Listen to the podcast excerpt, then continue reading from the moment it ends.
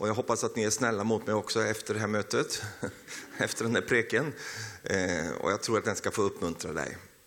Vi lever i ett nytt eh, år nu och eh, vi tänkte väl kanske att när den här pandemin gav sig och det, det är liksom sånt att nu var skönt, nu får vi komma igång igen. Och så brakar kriget igång i Ukraina och så har det här varit ett märkligt år på så många sätt. Och du har aldrig haft så höga elräkningar som du har haft det här året.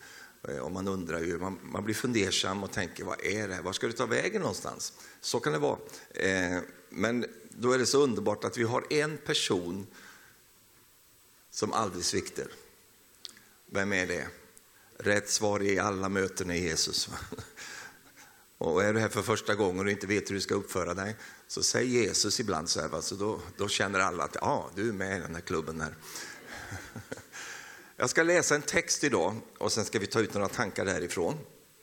Och det är från Johannes evangelium kapitel 1, vers 43. Och nu hoppas jag att du inte har glömt bort svenskan här så att du, du utan att eh, du, kommer, du, du kan följa med mig. Men i Johannes evangelium kapitel 1 och vers 43 så står det så här, jag ska läsa den, den berättelsen där. Nästa dag så beslöt Jesus att gå därifrån till Galileen. Han fann då Filippus och sa till honom, följ mig. Filippus var från Besaida, från samma stad som Andreas och Petrus. Filippus fann sedan Natanael och sa till honom, den som Mose har skrivit om i lagen och som profeten har skrivit om, honom har vi funnit, Jesus, Josefs son från Nasaret. Natanael sa till honom, kan något gott komma från Karmöj? Nej, eh, kan något gott komma från Nasaret? Filippus svarade, kom och se. Och när Jesus såg Natanael komma så sa han om honom, se, han är en verklig israelit. I honom finns inget svek. Och Natanael frågade honom, hur kan du känna mig? Och Jesus svarade, innan Filippus kallade på dig så såg jag dig där du var under fikonträdet. Och Natanael svarade, Rabbi, du är Guds son, du är Israels konung.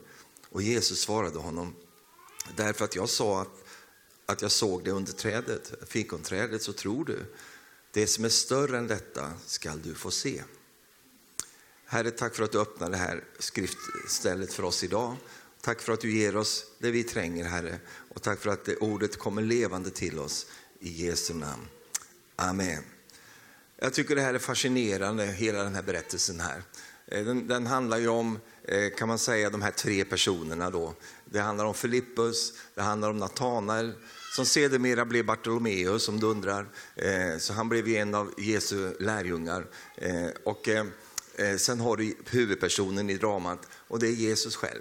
Och det är fantastiskt hur det här går till och jag vill ju verkligen hedra Filippus för han är ett föredöme för oss. Och Jesus kallar på Filippus och säger Filippus, följ mig. Och, och Filippus bara hänger med.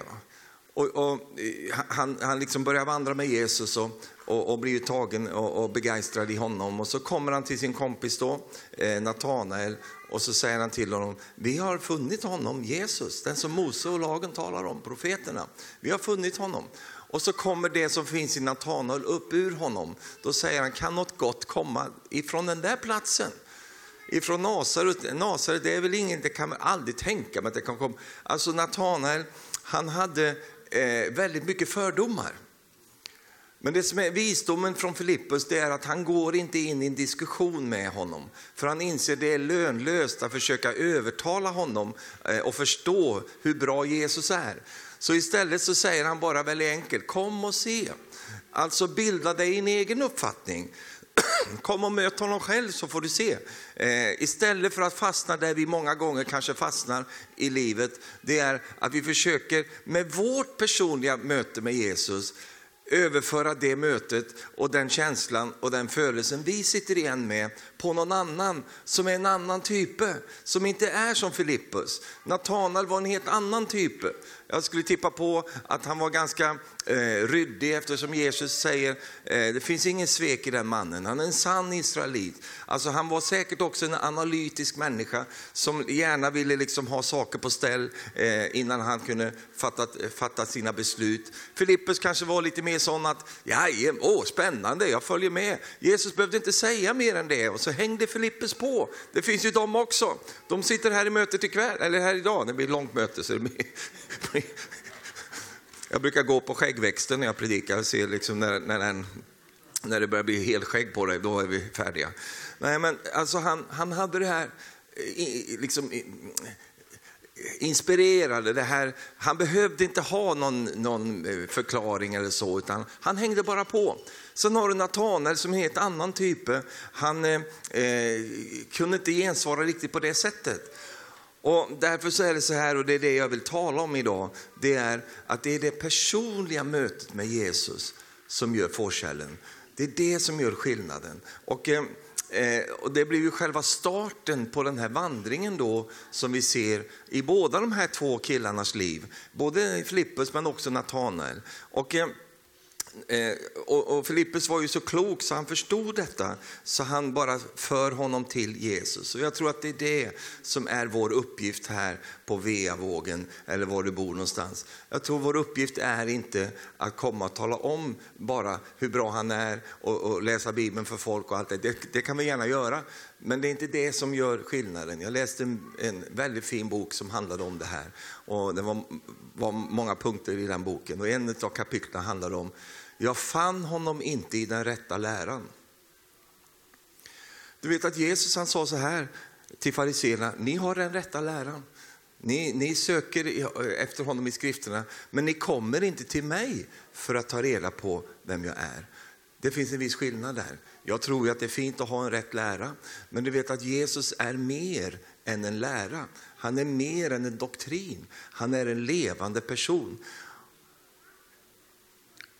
Jag väntar tills jag får lite... Oh, Okej, okay, då kan jag gå vidare. Så det personliga mötet det, det, det för med sig så många saker. Det fanns ju många och finns fortfarande många fördomar om Jesus. Eh, och det, fördomar kommer ju oftast därför att man inte känner den vederbörande, man känner inte personen. Och då odlas de där fördomarna.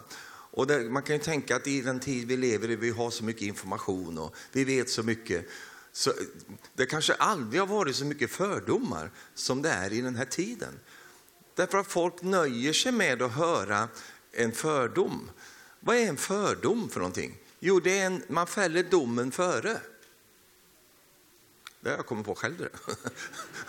Alltså, jag dömer före. Jag dömer innan jag har, har, tagit reda på det själv.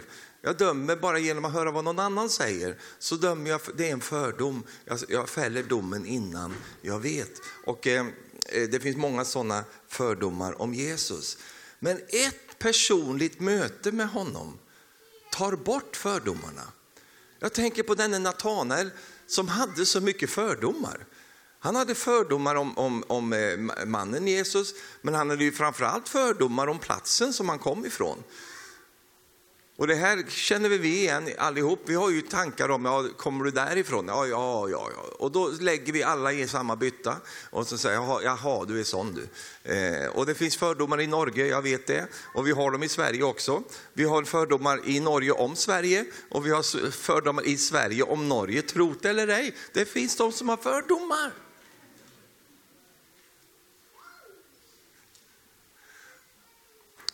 Och de där odlas ju bara, de, de, de fortsätter så länge, eh, så länge tills jag får skaffa mig min egen personliga uppfattning i ett personligt möte.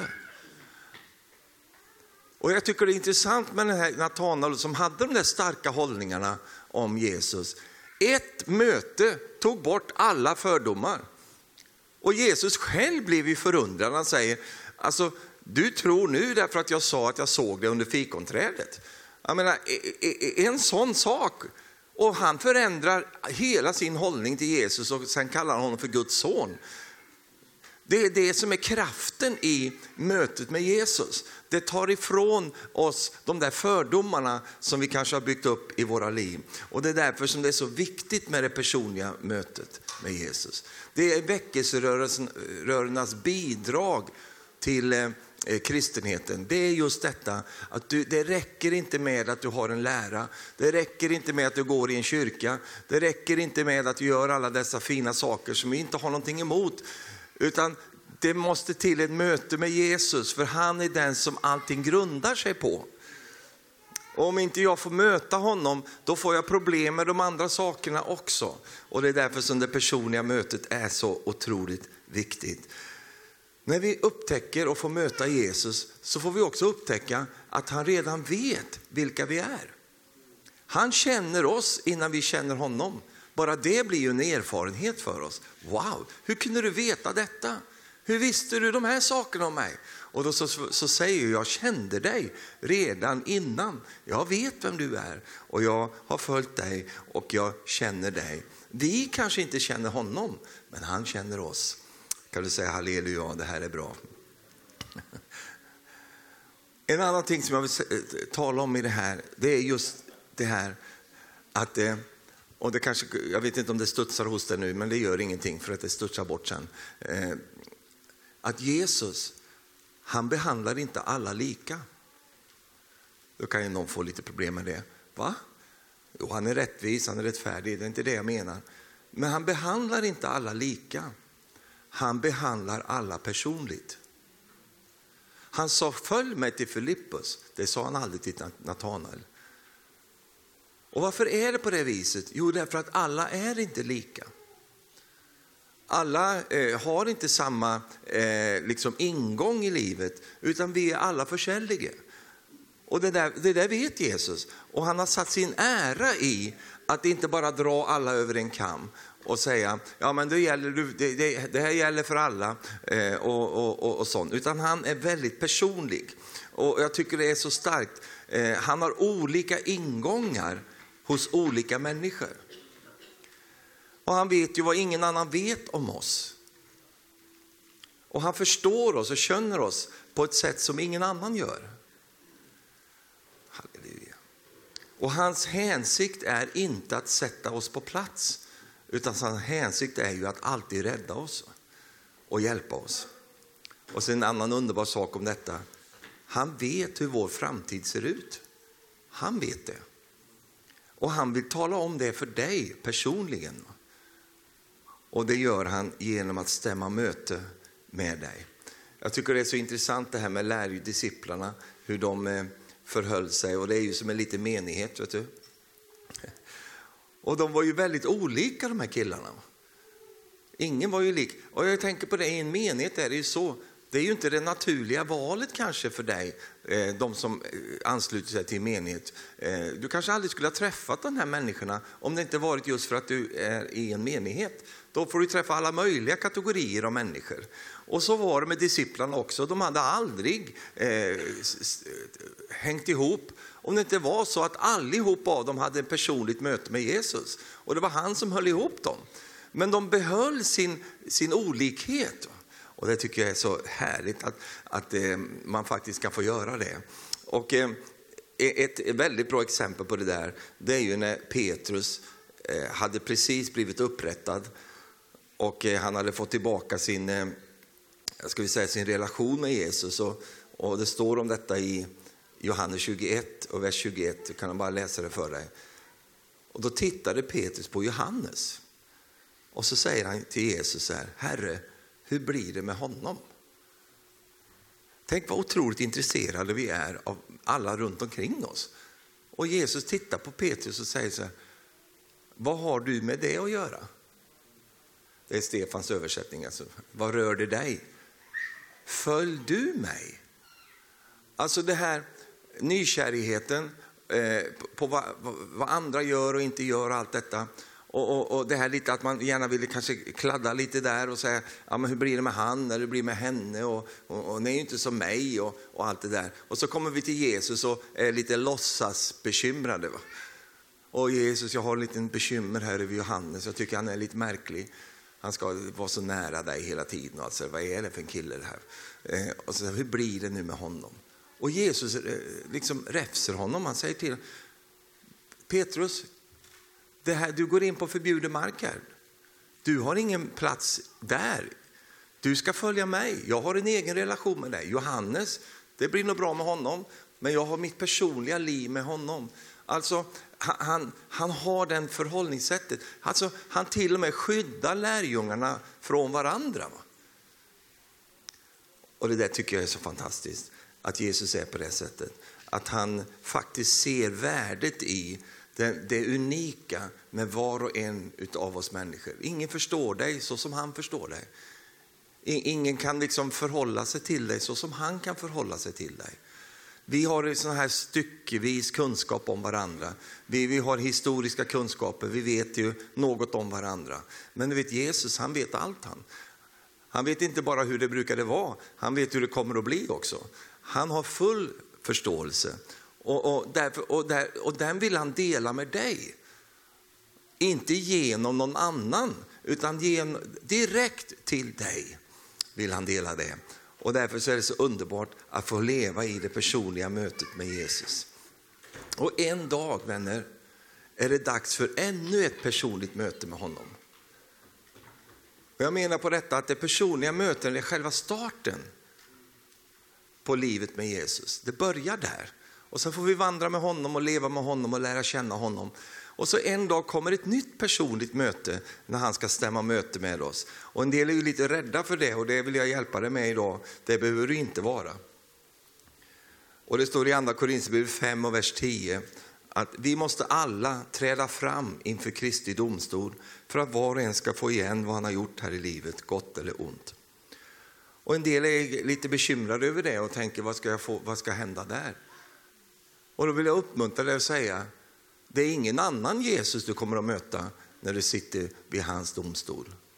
Det är inte någon, han har inte förändrat sig. Det är samma Jesus som du mötte där i frälsningen.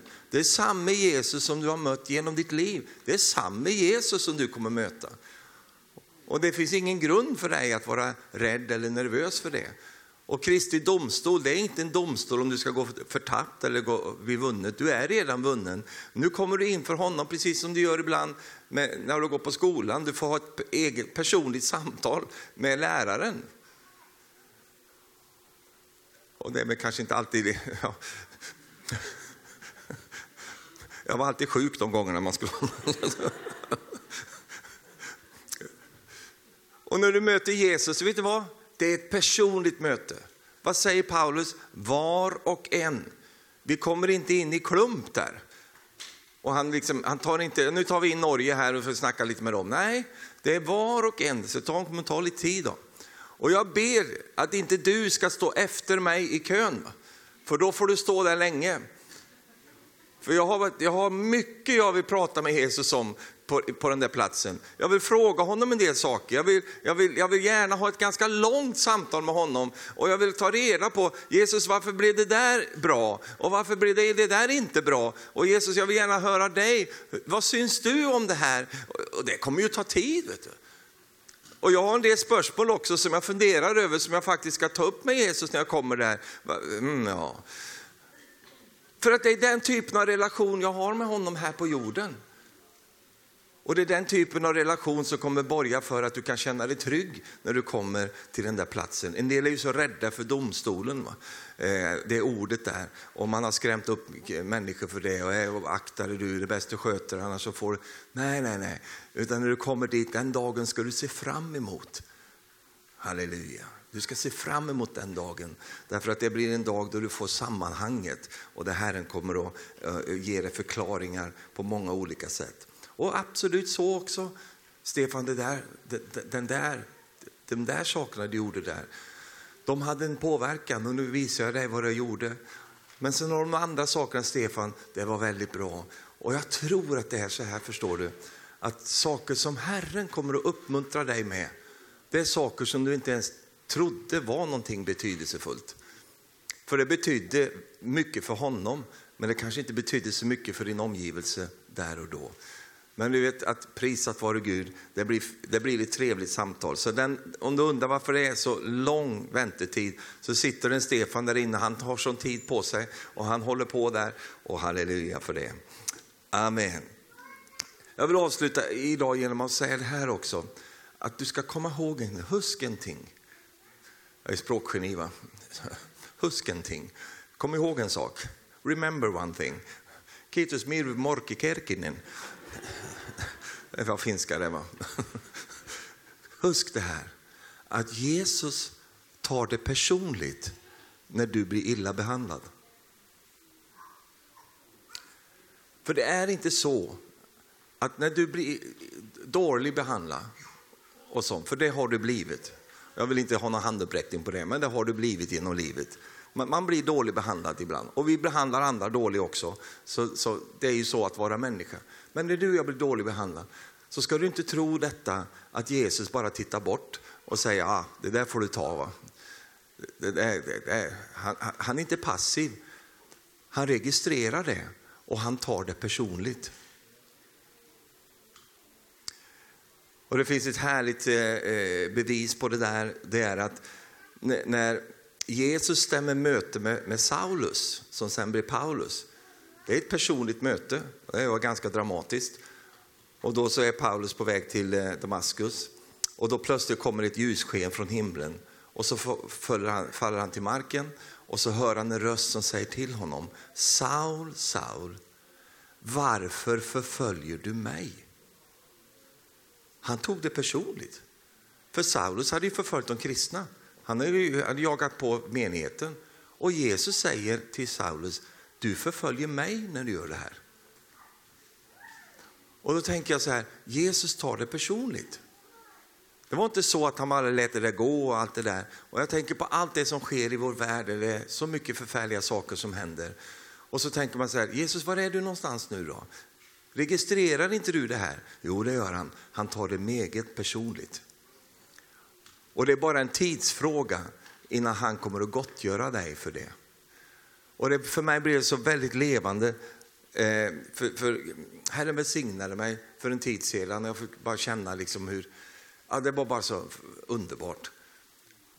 Och då så säger Herren till mig, Stefan, jag huskar vad som gjordes mot dig för 30 år sedan.